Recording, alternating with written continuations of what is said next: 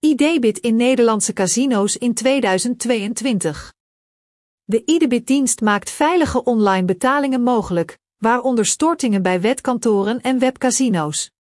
De precieze datum waarop het betalingssysteem tot stand is gekomen, is onbekend.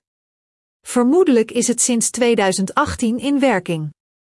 Het betaalmiddel werkt alleen samen met Canadese banken, dus er is geen iDebit casino's namelijk. In Nederland gebruiken de spelers andere betaalmethoden. Misschien zal iDebit Payments Inc. later de territoriale mogelijkheden uitbreiden en in andere landen actief worden. Hoe Nederlanders die in Canada wonen van de dienst gebruik kunnen maken, wordt verderop in het overzicht uitgelegd. De beste Nederlandse online casino sites met iDebit betalingen. Is iDebit veilig en betrouwbaar? De dienst is een veilige manier om online te betalen, aangezien de handelaar geen privé-informatie over de koper ontvangt. De onderneming slaat geen registratiegegevens van klanten op.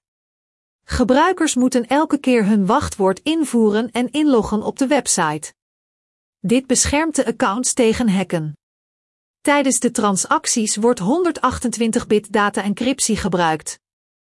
Het betaalsysteem is populair bij bezoekers van boekmakers en online casino's, maar niet bij NL. Rekeningen kunnen alleen worden geopend in Canadese dollars of USD.